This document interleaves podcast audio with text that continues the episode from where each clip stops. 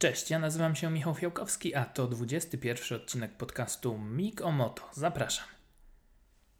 Za nami już 18 z 19 rund MotoGP i od ostatniego odcinku podcastu, wybaczcie, że znów minęło e, tyle czasu, od tego ostatniego odcinka e, działo się sporo, bo mieliśmy aż 4 rundy, wszystkie 4 odbyły się poza Europą, a więc Grand Prix Tajlandii, Japonii, Australii, i Malezji. I podczas tych e, czterech wyścigów e, poznaliśmy też już e, mistrzów świata we wszystkich trzech kategoriach, a więc Marc Marquez w MotoGP, Peko Baniaja w Moto2 i Jorge Martin w Moto3. Mamy też wicemistrza MotoGP, został nim już Andrea Dovizioso, ale myślę, że tym wszystkim historiom i drodze tych zawodników do mistrzowskich tytułów warto będzie poświęcić osobne odcinki podczas zimowej przerwy, a dzisiaj skupimy się na tym, co działo się podczas tych czterech ostatnich rund e, poza Europą. I zaczynamy od Grand Prix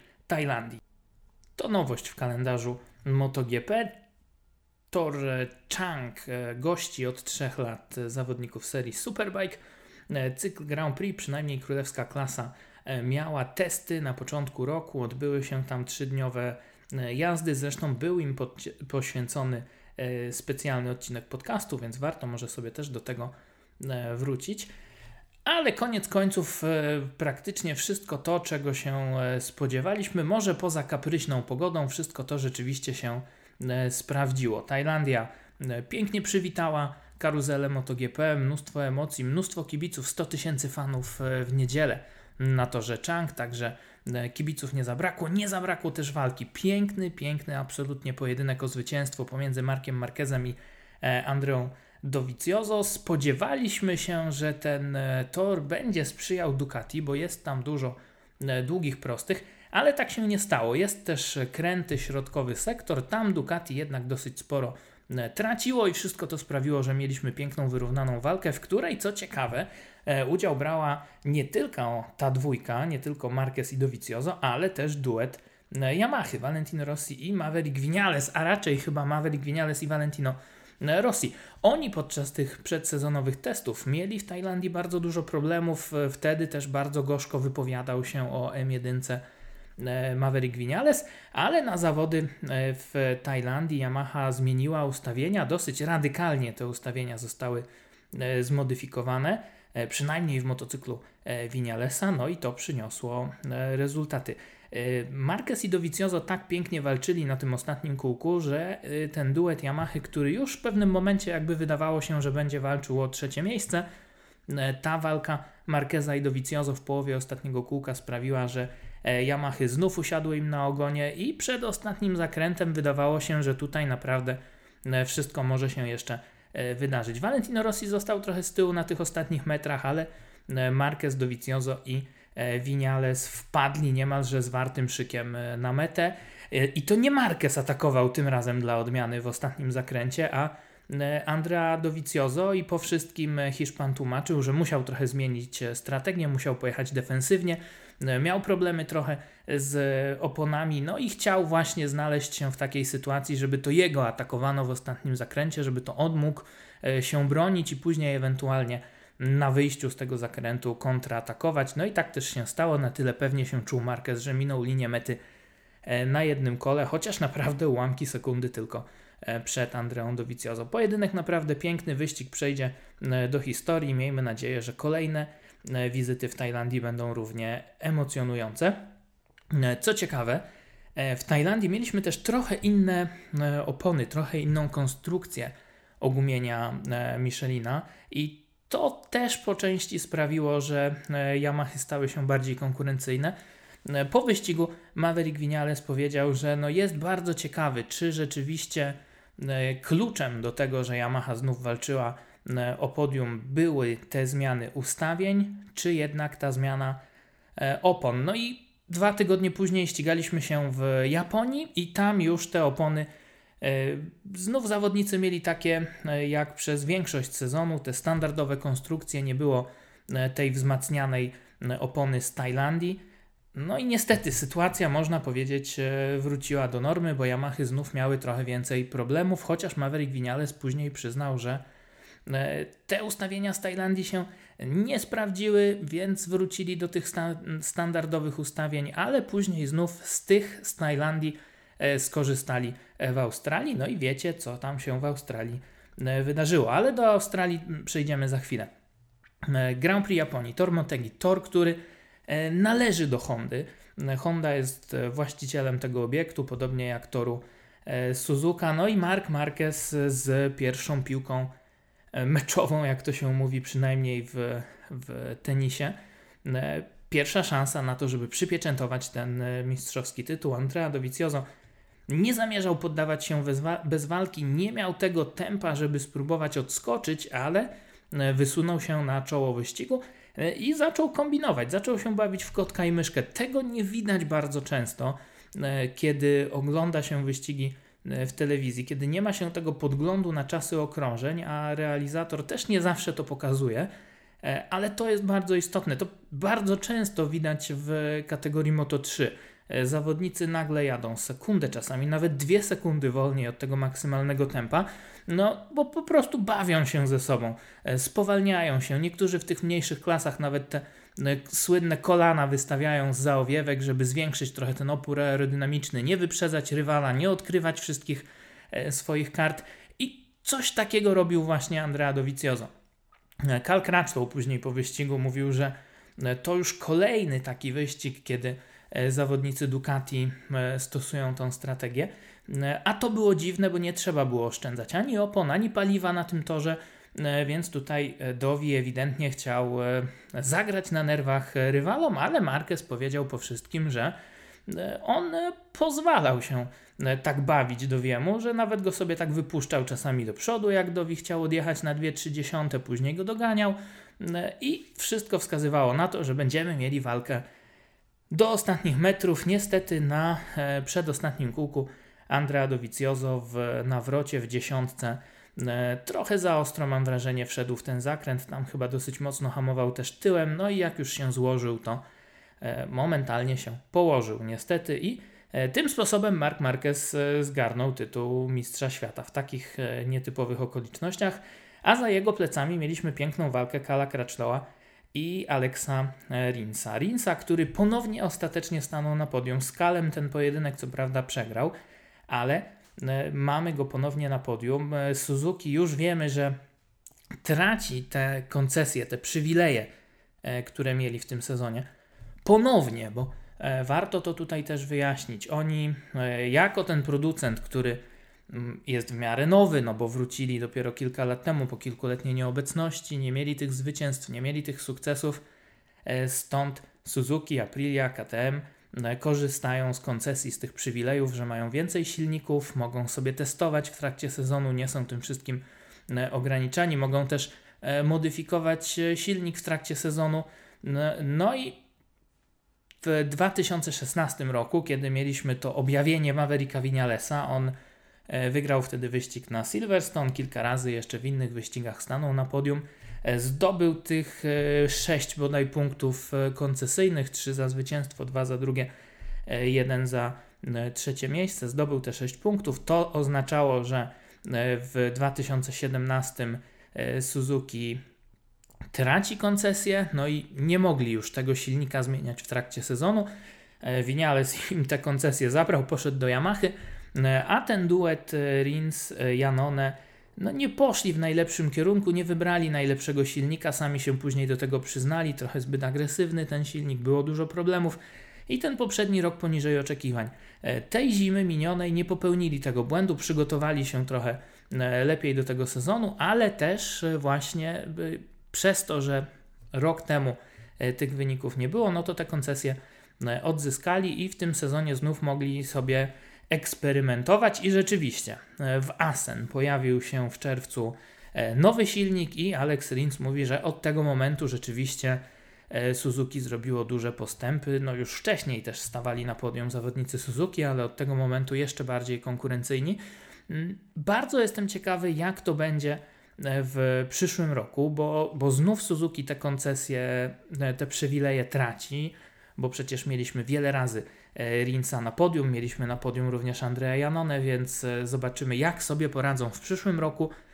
bez tych przywilejów, a jeszcze z debiutantem, no bo będziemy mieli Joana Mira zamiast Andrei Janone u boku Aleksa Rinsa i ten ciężar, e, jeśli chodzi o, e, o rozwój motocykla, o te decyzje podczas tych wszystkich zimowych testów, e, w dużej mierze tutaj spadnie na Aleksa Rinsa. Ciekawe, jak on sobie z tym poradzi. Zresztą wywiad z Aleksem Rinsem, który przeprowadzałem no, już jakiś czas temu, ale myślę, że nadal ciekawy, nadal aktualny. On się pojawi e, niedługo na portalu motormania.com.pl. E, a tymczasem e, idziemy dalej. Idziemy dalej. Grand Prix Japonii. Mark Marquez, Cal Crutchlow i Alex Rins. No i Yamaha niestety znów gdzieś tam nieco bardziej z tyłu. Rins później tłumaczył, że w połowie wyścigu widział, że Valentino Rossi znów E, ma te problemy, znów brakuje mu przyczepności na wyjściach, więc e, trochę podkręcił tempo, zaczął jechać trochę bardziej agresywnie, wyprzedził Rosjego, odskoczył i powalczył z Kalem Crutchlowem. Valentino Rossi e, rozczarowany mówił po wyścigu o tym, że rzeczywiście Suzuki dogoniło Yamaha, jeśli chodzi o ten ogólny poziom. Tymczasem Maverick Vinales, no on tutaj już był bardzo rozczarowany po tym wyścigu. E, i rzeczywiście padło tam wiele, e, wiele gorzkich słów. Ukończył ten wyścig Maverick Vinales na e, siódmej pozycji, 13 sekund za zwycięzcą. Valentino Rossi co prawda był czwarty, ale też 6 ponad sekund za Markiem Marquezem. No i tutaj Maverick Vinales naprawdę puścił wodze fantazji podczas tych briefingów i po wyścigu w Japonii i przed wyścigiem w Australii mówił o tym, że E, on nie wie, czy inżynierowie to w ogóle pracują, czy nie, bo po wyścigu to e, chciał od nich odpowiedzi, skąd te problemy, nikt mu nic nie potrafił powiedzieć, wytłumaczyć. On mówi, że jak jedzie za Zarko, to widzi, że e, ten stary silnik z Tech 3 sprzed dwóch tak naprawdę sezonów, on ma lepsze to hamowanie silnikiem, że taki silnik to by był lepszy, że oni podjęli zło, złą decyzję podczas zimowych testów, e, że w ogóle Yamaha nie idzie w jego kierunku, a Suzuki to go słuchało, a Yamaha to nie. No bardzo ostro tutaj Maverick Vinales e, też pojechał po tych, e, po tych zawodach. Ale przyszły nagle efekty. Pytanie, czy to znów taki zbieg korzystnych okoliczności, czy też coś się dzieje? Nie zmienia to faktu, że w Australii zwyciężył właśnie e, Maverick Vinales, ale zanim do tego doszło, Mark Marquez e, zderzył się z Joanem Zarko na początku szóstego okrążenia, obaj w tunelu aerodynamicznym za Jackiem Millerem. Marquez tak lekko odbił do lewej strony. Ktoś mógłby powiedzieć, że zajechał e, Joanowi Zarko drogę, no ale z drugiej strony był pierwszy, był, był z przodu, miał takie prawo. Joan Zarko E, wjechał w jego tylne koło najzwyczajniej w świecie. Marquez później tłumaczył, że on i tak opóźnił hamowanie, że e, no, ktoś mógłby powiedzieć, że Zarko powinien to wziąć pod uwagę, że był w tunelu, że był szybszy niż zazwyczaj, e, ale jak obejrzał powtórkę, to nie ma, nie wini o nic Joana Zarko i twierdzi, że to był taki incydent wyścigowy, więc Marquez jakby tutaj umył ręce absolutnie od tego wszystkiego. I, I rzeczywiście chyba trudno go tutaj winić o cokolwiek ale z drugiej strony trochę takiego cwaniactwa tutaj też można by było e, się doszukać, e, no bo jednak delikatnie ten kierunek jazdy e, Mark Marquez zmienił tak, jakby chciał pokazać e, tym, którzy jadą za nim, no panowie, tutaj się nie pchajcie w to miejsce. E, być może pamiętacie, ja o tym też pisałem na Motormanii po tym wyścigu. Była podobna sytuacja w 2012 roku w Moto2 w Katarze. E, wtedy Mark Marquez walczył z Tomasem Lutim i też e, akurat wtedy, wtedy go wyprzedził na prostej startowej i jak tylko go wyprzedził, odbił w lewo, zajechał mu drogę, musiał Tom Luti wyjechać na pobocze, wściekły, później uderzył zresztą pięścią Markeza w ramię, kiedy zjeżdżali z toru. Było trochę kontrowersji. No wtedy ewidentnie Mark Marquez przesadził. Tutaj w Malezji, w Australii, wybaczcie, absolutnie no, trudno się do czegokolwiek przyczepić, chociaż rzeczywiście ten manewr myślę, że e, przypadkowy w wykonaniu Marka Marqueza e, nie był. E, co ciekawe, trzeci raz w ostatnich latach mamy taką sytuację, że Marquez wygrywa wyścig w Japonii, a tydzień później nie kończy wyścigu, może nie, nie wygrywa wyścigu, wygrywa, zdobywa tytuł w Japonii, a tydzień później w Australii nie dojeżdża do mety. No i żartował sobie z tego oczywiście Marquez, że jak ma się podpisać gdzieś, żeby tak było też w przyszłym roku, to on nie ma z tym żadnego problemu. Ale musi uważać, bo nie wiem, czy pamiętacie, jak Dani Pedroza to było chyba w 2004 bodaj roku. Trzecim, 2003, bo w szóstym debiutował, piąty, czwarty jeździł. Tak, w 2003 roku to musiało być.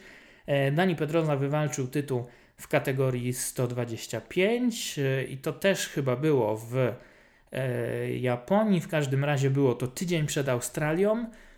I tydzień właśnie, e, kilka dni właściwie po tym, jak cała rodzina przyleciała do Australii, bo e, mieli świętować to wywalczenie tytułu, to Pedroza w pierwszym treningu przewrócił się w MG e, i złamał obie nogi. No i tyle było z świętowania. Także tutaj musi Mark Marquez uważać z takimi deklaracjami, no ale na razie może sobie Mark Marquez ten mistrzowski, piąty zresztą w MotoGP tytuł świętować. No a my wróćmy do wyścigu.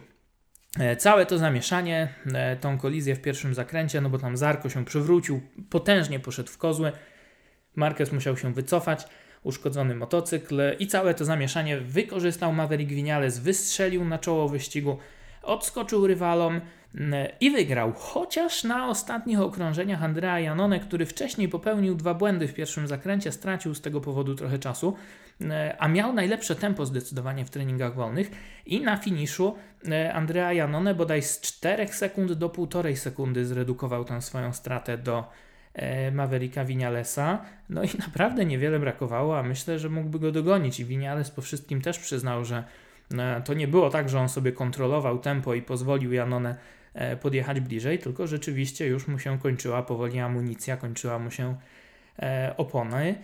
No i nie tylko jemu, bo Valentino Rossi podobne problemy, ale na dużo większą skalę i wyraźnie gdzieś tam jednak z tyłu Valentino Rossi w tym wyścigu w Australii. Zresztą e, to było szóste miejsce, 5 sekund straty do Mavericka Vinalesa. No wydawać się może, że niewiele, ale jednak sporo, tym bardziej, że znów e, za Alexem Rinsem i tuż przed e, Jackiem Millerem na prywatnym jednak Ducati. Maverick Vinales tym zwycięstwem przerwał pas Yamahy. 26 wyścigów bez zwycięstwa. Najdłuższa taka czarna seria, można powiedzieć, w historii startów Yamahy w królewskiej klasie, w tej historii, która się zaczęła w 1961 roku, a więc e, jest bardzo, bardzo e, długa. No i tutaj Winiales oczywiście zachwycony, ale też podkreśla, że Phillip Island, jeden z najpiękniejszych absolutnie torów wyścigowych na świecie, to też taki obiekt, który idealnie maskuje te problemy, jakie ma Yamaha. No, tutaj nie było takich e, wolnych łuków, nie ma zbyt wielu ostrych hamowań, ostrych przyspieszeń. E, są płynne zakręty, długie zakręty, no i tutaj e, te opony aż tak mocno się nie zużywały, nie było to tak dużym problemem. Ten silnik też nie sprawiał tak dużych problemów, więc Maverick Vinales trochę tutaj uspokajał, mówił: No, spokojnie, spokojnie, zobaczymy, co będzie dalej. Mówił to samo E, Valentino Rossi powiedział, że nawet jakbyśmy wygrali w Australii, w Malezji, w Walencji, to i tak niewiele zmienia i inżynierowie Yamahy nie mogą zwalniać e, tempa. Ale Valentino Rossi był zresztą bardzo mocno e, sfrustrowany chyba jednak po tym wyścigu. Robił dobrą minę do złej gry, ale kiedy udzielał wywiadu dla MotoGP.com, E, padło tam takie pytanie, no oczywiście najpierw o wyścigu, mówił, że te problemy, że był w tarapatach i tak dalej, i tak dalej, no a później pada takie pytanie, e, Valentino, czy to dobrze, że e, Maverick Vinales przerwał ten passę Yamahy, 26 wyścigów bez zwycięstwa, na co Valentino Rossi odpowiedział, tak, to dobrze. No i uśmiechnął się i to, to było wszystko, jeśli chodzi o jego wypowiedź. Valentino Rossi E, jednak rzadko takich odpowiedzi udziela, nawet na e, najgłupsze pytania dziennikarzy, takie też się czasami zdarzają, stara się e, odpowiadać nie tyle pełnymi zdaniami, co takimi dłuższymi wywodami i dokładnie to wszystko tłumaczyć. Tutaj ewidentnie nie miał takiej ochoty, więc widać, że no gdzieś go tam chyba jednak uwierało to, że to nie on na tym najwyższym stopniu podium stanął, a jego zespołowy kolega. No i później jeszcze dodał, że wszystko wskazuje na to, że to już nie będzie walka z Dovizioso o drugie miejsce w generalce, a obrona E, trzeciego miejsca w tabeli przed Maverickiem Vinalesem. No i jak się okazuje, e, miał rację. Na podium stanął jeszcze w Australii Andrea Dovizioso, warto tutaj o nim wspomnieć. Piękna walka na finiszu z Andreą Janone. Tuż za nimi finiszował Alvaro Bautista, e, który startował w zastępstwie za Jorge Lorenzo. Jorge Lorenzo nieobecny, o tym więcej za chwilę a Bautista tutaj na jego motocyklu spisał się naprawdę na medal i gdyby nie drobne problemy ze zmianą biegów, tam ta dźwignia jakoś chyba była inaczej e, wyregulowana, inaczej pracowała niż w tym jego ubiegłorocznym modelu e, i przez to gdzieś tam dwa razy jakieś problemy na redukcji miał Bautista, dwa razy gdzieś tam szeroko wyjechał. Gdyby nie to, to mógłby walczyć o e, podium do samego końca wyścigu. Mówił później, że to Ducati Jorge Lorenzo ewidentnie mocniejsze E, od e, jego maszyny, ale też e, trochę płynniejsze w tym wszystkim.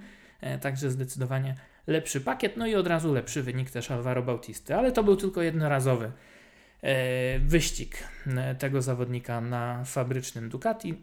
Będzie Bautista w przyszłym roku na fabrycznym Ducati, ale w superbajkach. To już pewnie zresztą też doskonale. Wiecie. Swoją drogą Ducati zaprezentowało kilka dni temu dosłownie na targach EICMA E, ten model Panigale V4R, który będzie e, startował w cyklu World Superbike. I trzeba przyznać, że jest niesamowicie e, podobny, jak się spojrzy z profilu na ten motocykl, to jest strasznie podobny do Desmo Sedici, ta linia i siedzenie, i owiewki boczne, i zbiornik paliwa, no i zresztą z przodu również te skrzydełka, także tutaj czerpie garściami Ducati z tych doświadczeń z MotoGP i ciekawe jak sobie poradzą w superbajkach, czy pogonią wreszcie e, za Kawasaki, e, czy też nie. My tymczasem przechodzimy do Grand Prix e, Malezji, o, przedostatnia runda tego sezonu.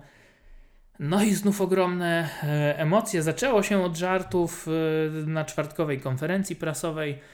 Były te pytania od kibiców z mediów społecznościowych. Padło pytanie, czego E, co zawsze zabierają e, zawodnicy ze sobą, to właściwie co zabiera Andrea Janone, pięć rzeczy, które zawsze ze sobą zabiera, bez których nie rusza się e, z domu. No i Janone powiedział, że to są to jest komputer, to są okulary i to są prezerwatywy. No i sala prasowa oczywiście wybuchła śmiechem. Niestety Andrzej Janone w ten weekend do śmiechu nie było. A wszystko przez Marka Markeza, no chociaż może nie mm, nie wiem, nie po złości, ale, ale jednak. E, w kwalifikacjach e, pole position zgarnął właśnie e, Mark Marquez, ale dostał karę. Karę dostał za to, że zepsuł kółko Andrzej Janone w dziewiątym zakręcie, zwolnił, został na linii wyścigowej, był na szybkim kółku Janone, no i e, niestety Marquez go zblokował i e, za to ta kara to już był drugi taki wybryk Marka Marqueza w tym sezonie. Na początku roku w Austin też mieliśmy taką sytuację, kiedy Marquez przyblokował e, Mavericka Vinalesa i to też tam chyba był Janone w to zamieszany, o ile dobrze pamiętam. Nie chciał chyba Marquez Janone holować, e, zwolnił, no i, i przyblokował e, Vinalesa. No ale koniec końców Marquez dostał karę, startował nie z pierwszego, a z siódmego pola, no i zaraz na początku wyścigu E, Janone jechał za nim. W ostatnim zakręcie Marquez zaliczył uścisk tylnego koła. Janone się wystraszył, jechał w złożeniu, zanim wcisnął hamulec i się przewrócił. Także takiego pecha miał. E, Andrea Janone. Zresztą to nie koniec pecha Suzuki, bo w czwartek w płomieniach stanęła maszyna Alexa e, Rinsa. Te motocykle są, no może nie na części pierwsze, ale są demontowane na czas e, transportu i później na początku weekendu w czwartek składane e, ponownie, odpalane, sprawdzane. No i właśnie po takim montażu, podczas takiego próbnego odpalania, nagle ten motocykl się zajarał. No i spalił się dosyć mocno. Trzeba było, e, właściwie to nie wiem, czy zbudować nowy od zera, czy tam było coś do uratowania. Suzuki tutaj za dużo na ten temat nie mówiło, ale sporo pracy musieli mechanicy E, wykonać, a oczywiście dziennikarze, szczególnie ci anglojęzyczni, Mieli tutaj pole do popisu, była cała masa nagłówków typu Suzuki is on fire i tak dalej, i tak dalej. Także no było wesoło, wesoło, bo dobrze się skończyło, bo Alex Rins znów stanął na podium. No niestety nie wszystkim było do śmiechu, nie tylko Andrzej Janone, bo E, ten wyścig w Malezji upłynął pod znakiem e, zaskakującej wręcz jazdy e, Valentino Rossiego. To on wystrzelił na czoło stawki, on prowadził przez 15 kółek i znów to, o czym mówiłem kilka, kilkanaście minut temu przy okazji Grand Prix Japonii. Tam Andrea Dovizioso bawił się w kotka i myszkę z rywalami, zwalniał, przyspieszał, zwalniał, przyspieszał. Tutaj w Malezji nie było takich gierek i Valentino Rossi E, od początku do końca e, pełnym ogniem. Niestety nie końca wyścigu, e, bo przewrócił się Valentino Rossi na 15 kółku, ale zanim to się stało, jechał no, z, ze stoperem w ręku, wręcz można powiedzieć, z czasami 2.00.1. I takich kółek było kilkanaście, w tym chyba 10 z rzędu. Także Naprawdę zobaczyliśmy starego, dobrego Valentino Rossiego. Takich rzeczy też nie zawsze, nie zawsze to widać na ekranie, ale e, jak się w to zgłębić, to naprawdę to, co pokazał Valentino Rossi, było bardzo, bardzo e, imponujące. Niestety na tym 15 kółku wszedł trochę za szybko, za szeroko w pierwszy zakręt, wyniosło go e, delikatnie ze 2 metry, metr poza tę optymalną linię, no i za szybko chyba trochę dodał gazu, uścisk tylnego koła E, w środku zakrętu. Rossi mówił, że bardziej się martwił o ten przód, a nie o tył, a e, to jednak tył e, puścił. Bardzo niegroźny taki ślisk. Rossi się podniósł, dojechał do mety na 18 pozycji, no ale był oczywiście załamany, bez punktów. Po wszystkim powiedział, że to była no, jedna z najpiękniejszych chwil tego sezonu. To by, byłoby jedno z najpiękniejszych zwycięstw, gdyby udało się je E, dowieść do mety i w ogóle jeden z najpiękniejszych dni w karierze Valentino Rossiego, bo przecież e, godzinę z hakiem wcześniej swój pierwszy wyścig w klasie Moto2 wygrał jego przyrodni brat e, Luca Marini, a drugi z zawodników tego zespołu, zespołu, którego Valentino Rossi przecież jest właścicielem, Peko Baniaja, wywalczył tytuł mistrza świata, więc no, mogła to być naprawdę piękna e, chwila, ale zobaczcie też pod jak wielką presją e, był Valentino Rossi. Jak ten wyścig Moto2 się skończył, to tam e, wszyscy w pierwszym, drugim zakręcie w tej szykanie czekali na Mariniego, na Baniaje, były koszulki, przebierańce i tak dalej, no i E, sporo się tam działo, był tam Valentino Rossi, ale on nie miał czasu na to, żeby się tym wszystkim ekscytować, żeby to przeżywać, bo za chwilę trzeba było się wpakować w kombinezon i wystartować w wyścigu, także ta presja była ogromna. E, no, niektórzy mówią, że e, może tej presji Valentino Rossi nie wytrzymał, że może ten Mark Marquez tutaj za bardzo wszedł mu do głowy i sprowokował go E, do takiego błędu. Mark Marquez przyznaje, że obaj jechali na limicie i tutaj absolutnie nie było mowy o żadnych gierkach. E, no i nie był przekonany e, Mark Marquez, czy byłby w stanie Rossiego dogonić, ale zbliżał się do niego, bo to była sekunda, sekunda, sekunda. Nagle się zrobiło 0,7, 0,6 i Valentino Rossi zaliczył wywrotkę. Rossi też powiedział, że no nie miał już więcej nic w kieszeni, nie miał żadnego asa ale był gotowy, e, jak to ładnie e, powiedział, na walkę na śmierć i życie na ostatnich dwóch kółkach. Także szkoda, wielka szkoda, że e, nam tej walki zabrakło. No i też wszystko, no może nie wszystko, ale coraz więcej wskazuje na to, że Valentino Rossi zakończy ten sezon bez zwycięstwa i to byłoby dla niego, to byłby trzeci taki sezon dla Valentino Rossiego. Przypomnijmy, on startuje od 96 roku, Najpierw e, w klasie 125, później w 250, później 500 MotoGP.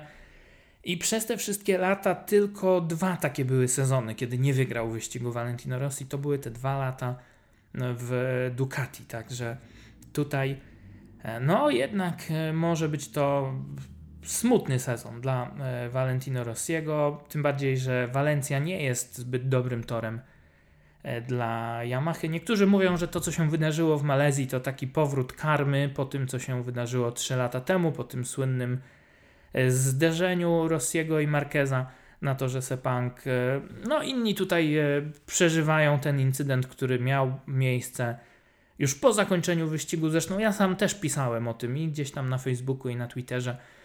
Valentino Rossi po wyścigu zatrzymał się w pierwszym zakręcie, chciał podziękować tym kibicom, którzy się tam zgromadzili na trybunie jego E, fan klubu. Podleciał jeden z wirażowych, chciał sobie zrobić zdjęcie. Rossi go odepchnął. Akurat to mm, zostało pokazane z kamery onboard na e, jego motocyklu, z tej kamery skierowanej z, jakby z wyświetlacza w stronę zawodnika.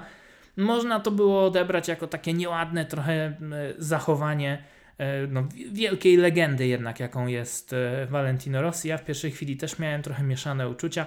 Natomiast ja miałem ten luksus, e, żeby jednak na spokojnie sobie to wszystko na chłodno przemyśleć, przeanalizować. Valentino Rossi takiego luksusu nie miał.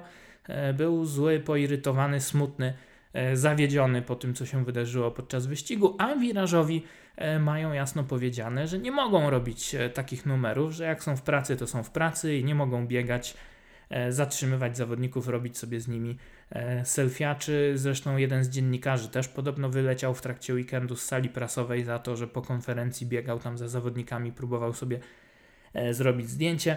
Organizatorzy do tego dosyć ostro e, podchodzą. No i tutaj ja bym nie wieszał absolutnie psów na Valentino Rossim.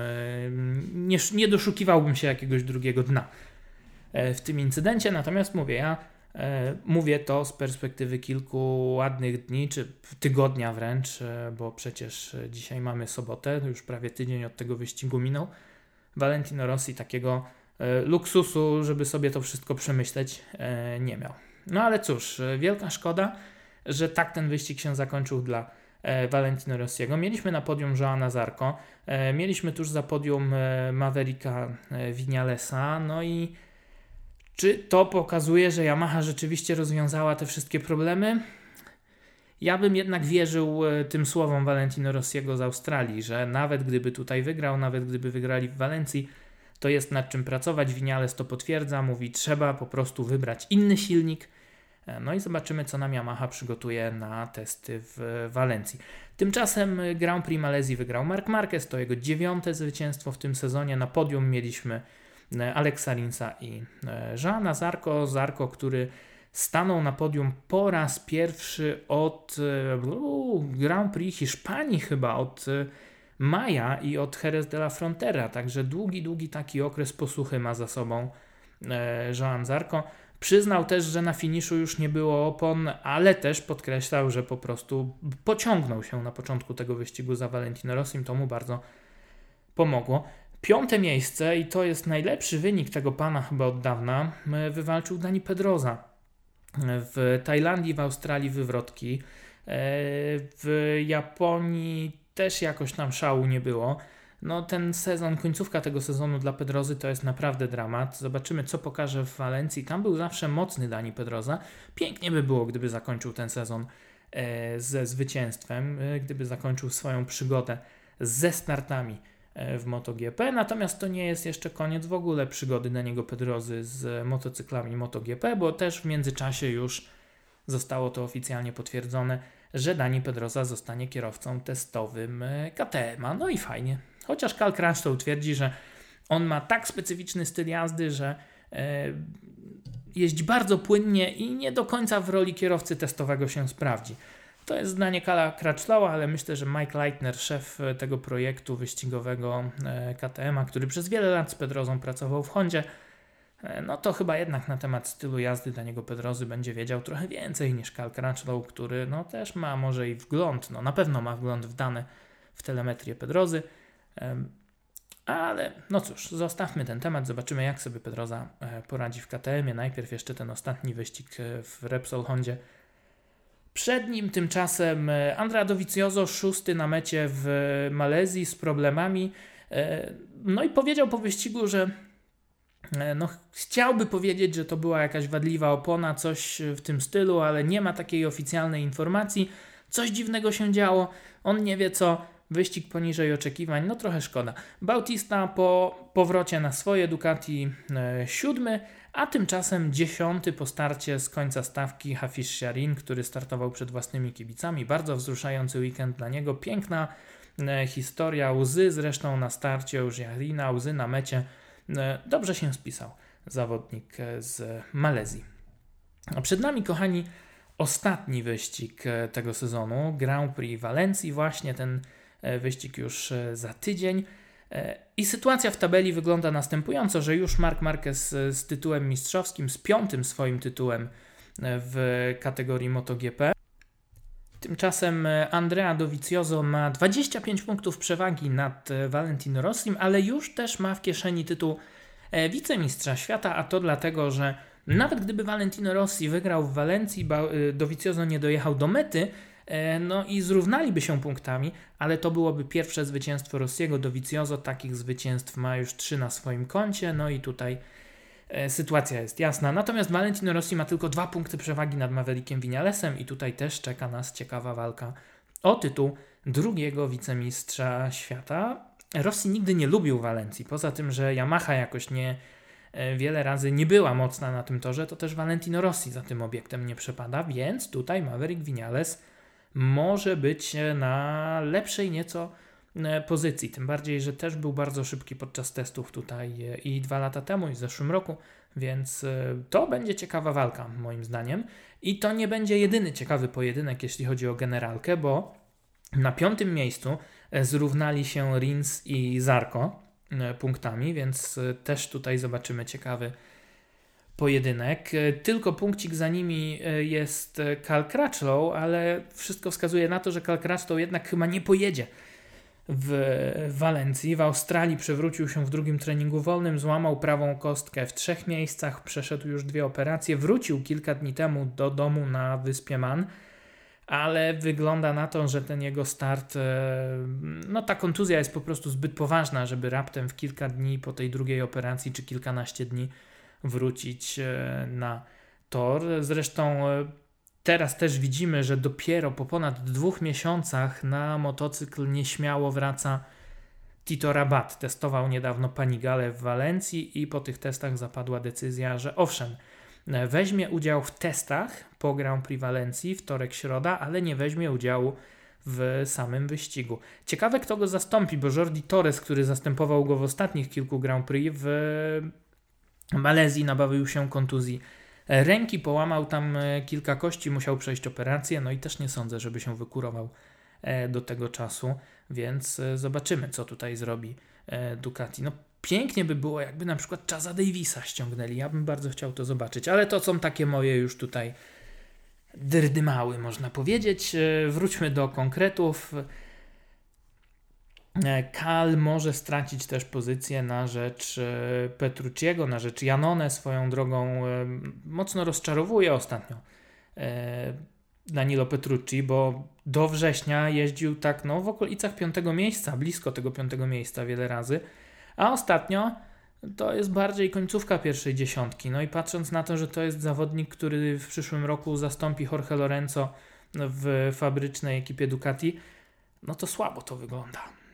I jeszcze jeden ciekawy pojedynek. Dani Pedroza w tabeli na 11 miejscu. Tylko jeden punkcik przed Alvaro Bautistą. No to będzie też ciekawa walka i mam nadzieję, że tutaj nas Dani Pedroza zaskoczy w tym pożegnalnym wyścigu. Ale pytanie, czy w ogóle pojawi się e, w Walencji Jorge Lorenzo, no bo opuścił cztery ostatnie wyścigi. Ta końcówka sezonu absolutnie fatalna. E, przed tym wypadkiem w Aragonii, właściwie to jeszcze się cofnijmy wyścig jeden, e, przed tym wypadkiem w Mizano, Jorge Lorenzo naprawdę był na dobrej drodze, żeby powalczyć z Andreą Dovizioso o tytuł wicemistrza świata. Tam te różnice punktowe były niewielkie, no ale tak, później e, dwa błędy, no jego własne błędy w Mizano i w e, Aragonii. Później e, awaria motocykla podczas drugiego treningu w Tajlandii, potężna wysiadka, uszkodzona ta kostka prawa z Aragonii, ponownie, delikatnie, ale przede wszystkim uszkodzony lewy nadgarstek. No i na drugi dzień okazało się, że nie ma takiej opcji, żeby tutaj Jorge Lorenzo wystartował w Grand Prix Tajlandii, musiał odpuścić. Później pojawił się w Japonii, próbował w treningach wyjechać na tor, ale nie było mowy tutaj przy tych ostrych hamowaniach. Okazało się też, że tam doszło do pęknięcia jednej z kości. Te badania, te prześwietlenia zaraz po wypadku w Tajlandii tego nie wykazały. I czasami się tak zdarza w tych e, pierwszych godzinach, nawet 24-48 godzin po takiej kontuzji, e, że to może być, e, może być niewychwycone podczas prześwietlenia. Musiał poddać się operacji Jorge Lorenzo, tam też był problem ze ścięgnem. W Australii go w ogóle nie zobaczyliśmy, w Malezji próbował, wyjechał w piątek na tor w obu treningach, nawet trochę tych kółek narobił, ale E, rano 3,5 sekundy, po południu 5 sekund, więc bardzo słabo, a przecież e, Jorge Lorenzo był najszybszy w testach w Malezji na początku sezonu, więc tutaj mogliśmy się e, po nim spodziewać dobrej postawy, pewnie gdyby był w formie. No i odpuścił, nie wystartował w wyścigu, ale został w Malezji, był aktywny zresztą podczas tych wyścigów, podczas których był na torze, no to wcielał się tam w rolę komentatora w różnych stacjach telewizyjnych, był na briefingu prasowym na konferencji prasowej po wyścigu Moto3. Gratulował tam Jorge Martinowi tego mistrzowskiego tytułu. Oni oczywiście mają tego samego menadżera, więc bardzo dobrze e, ze sobą żyją. No i też taki ładny gest tam Jorge Lorenzo poszedł na tą konferencję, e, powiedział, że chce zadać pytania, a tak naprawdę pogratulował Jorge Martinowi, także e, miło z jego strony, ale pojawiły się też takie głosy, że Lorenzo na te treningi w no i w Tajlandii, i w Japonii, i później w Malezji, e, że wyjeżdżał tylko dlatego, żeby tam odhaczyć jakieś punkty z kontraktu, żeby dostać pełne wynagrodzenie e, za ten sezon. No, czy ja wiem, tro, trochę takie to spiskowe teorie. Ja tego e, nie do końca tego, nie do końca to kupuję. Natomiast był pytany o to Andrea Dovizioso, przez włoskiego reportera i powiedział, że no on się to nie chce wypowiadać, bo on nie zna wszystkich szczegółów, ale to dziwne, bo takie historie e, się przydarzają, czy to Ducati, czy innym zawodnikom i e, no to dziwne, dziwne. No i oczywiście zaraz te słowa skomentował Jorge Lorenzo na Twitterze. E, powiedział tak z takim przekąsem, że jakim to fajnym gentlemanem jest Andrea Dovizioso i tak dalej, i tak dalej. Opisywałem to zresztą na Motormani, także pewnie widzieliście. Mm, musiało interweniować Ducati i w tym tygodniu właśnie podczas EICMY we Włoszech, e, w Mediolanie na tych targach e, podobno obaj panowie usiedli z e, Paolo Ciabattim, z menadżerem zespołu, mieli taką wychowawczą rozmowę dotyczącą tego, jak powinna wyglądać atmosfera w garażu Ducati podczas tej ostatniej rundy w Walencji. No i ta ostatnia runda to może nie jest dla Jorge Lorenzo w tej chwili jakiś wielki e, teoretycznie problem, bo e, on jest dziesiąty w tabeli, tam chyba może spaść, poczekajcie, jeszcze sobie tutaj zerknę.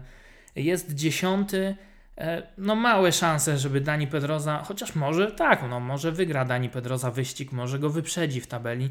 E, Alvaro Bautista jeszcze tutaj jakby wygrał, to by się mogli punktami zrównać, ale i tak tych wyników e, więcej lepszych miał Jorge Lorenzo, więc, więc nic to by nie zmieniło. Także tutaj no, w najgorszym wypadku może o jedną pozycję jeszcze Jorge Lorenzo spaść. Myślę, że czy 10 czy 11 to nie ma to dla niego jakiegoś wielkiego znaczenia, chociaż tam pewnie też w grę wchodzą jakieś bonusy e, za klasyfikację generalną, ale przy tak dalekich pozycjach to myślę, że to już jest e, mniej istotne.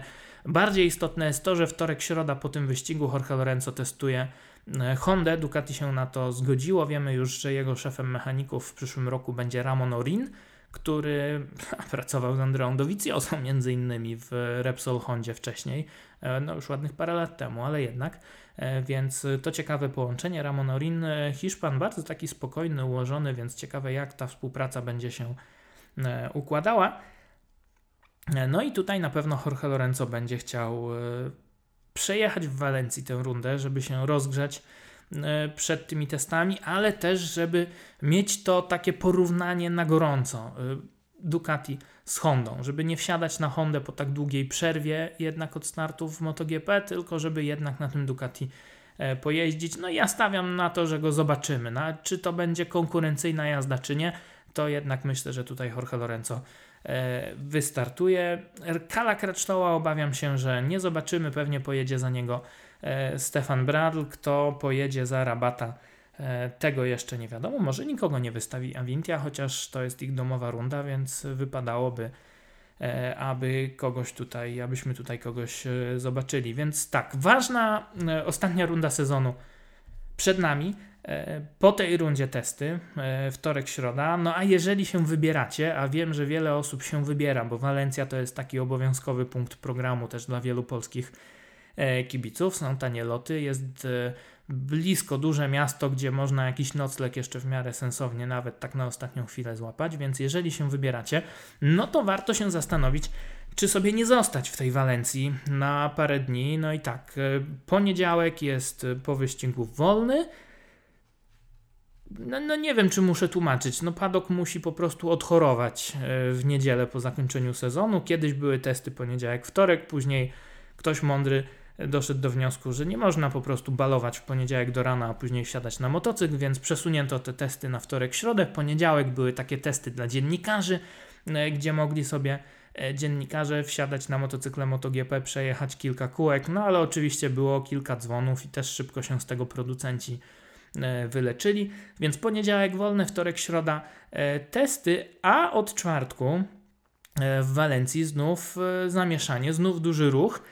E, bo piątek, sobota, niedziela to ostatnia runda e, cyklu FIMCEF Repsol, a więc juniorskie Mistrzostwa Świata Moto3, no i Mistrzostwa Europy Moto2, a w nich e, nasz rodzynek Piotr Biesiekirski, 17-latek, chłopak z Polski, który bardzo dużo czasu w Walencji spędza, więc ta, ta runda to jest taki domowy wyścig dla niego. Piotrek też wraca po kontuzji, miał kontuzję palca lewej ręki, a walczył o dziewiąte miejsce w ostatniej, przedostatniej rundzie e, Mistrzostwa Europy w Jerez de la Frontera, więc y, no, ja myślę, że tutaj spokojnie o, o top 10 powalczy, no i może warto zostać i mu pokibicować po prostu.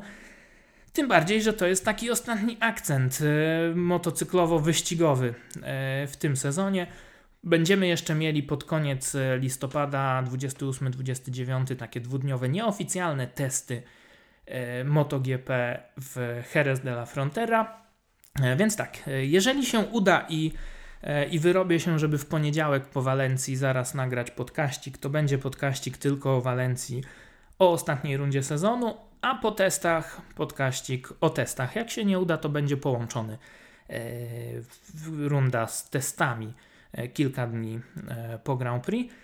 No i na tym kończymy właściwie tegoroczne podcasty poświęcone typowo E, rundą e, MotoGP, rundą Grand Prix. E, no i pytanie do Was, co robimy dalej? Co robimy przez zimę? Ja mam kilka pomysłów, mam kilka historii, którymi chciałbym się z Wami podzielić, ale jeżeli Wy macie jakieś pomysły na jakieś ciekawe tematy, które chcielibyście, żebym w tych podcastach poruszył, ja tak się nawet zastanawiam, czy nie robić takich krótkich bardzo podcastów, nawet czasami 5-10 minutowych odcinków na jakiś konkretny temat, po prostu krótko na temat i i tyle. Ciekaw jestem Waszej opinii. Tymczasem e, już niedługo powinna pojawić się w kioskach nowa Motormania. Tam znajdziecie trochę materiałów e, MotoGP, e, bo będą wywiady. Będą trzy wywiady. Alex Lowe's o starcie na torze Suzuka. Będą tam jeszcze jakieś inne historie. Sam już nawet nie pamiętam, bo tego, tego wszystkiego tyle się, słuchajcie, dzieje ostatnio, że e, można się w tym pogubić najzwyczajniej w świecie. Będzie właśnie, będzie Cal Crutchlow, e, bardzo ciekawa rozmowa, zresztą jak zawsze z Calem Crutchlowem i będzie Franco Morbidelli, e, mistrz świata Moto2 w przyszłym roku na Yamasze w MotoGP. Bardzo ciekawa postać, bardzo dużo też e, interesujących e, komentarzy z jego strony. No i będzie Alex Lowe, z, e, z którym ten wywiad mnie naprawdę urzekł na temat e, endurance'ów, na temat superbike'ów, więc trochę coś innego niż e, MotoGP. A na portalu motormania.com.pl też w najbliższym czasie będzie Maverick Vinales, będzie Alex Rins, e, także będzie trochę tych materiałów, żeby ta zima jakaś taka była lżejsza dla nas. No, miejmy nadzieję. A tymczasem Dzisiaj dziękuję Wam już bardzo za uwagę. Znów miało być krótko i znowu się rozgadałem, także Świętujemy y, setną rocznicę odzyskania niepodległości już jutro w niedzielę. W poniedziałek podobno możemy odchorować y, te świętowanie, także świętujcie, odpoczywajcie i odliczamy dni do ostatniej rundy sezonu MotoGP 2018. Do usłyszenia. Hej!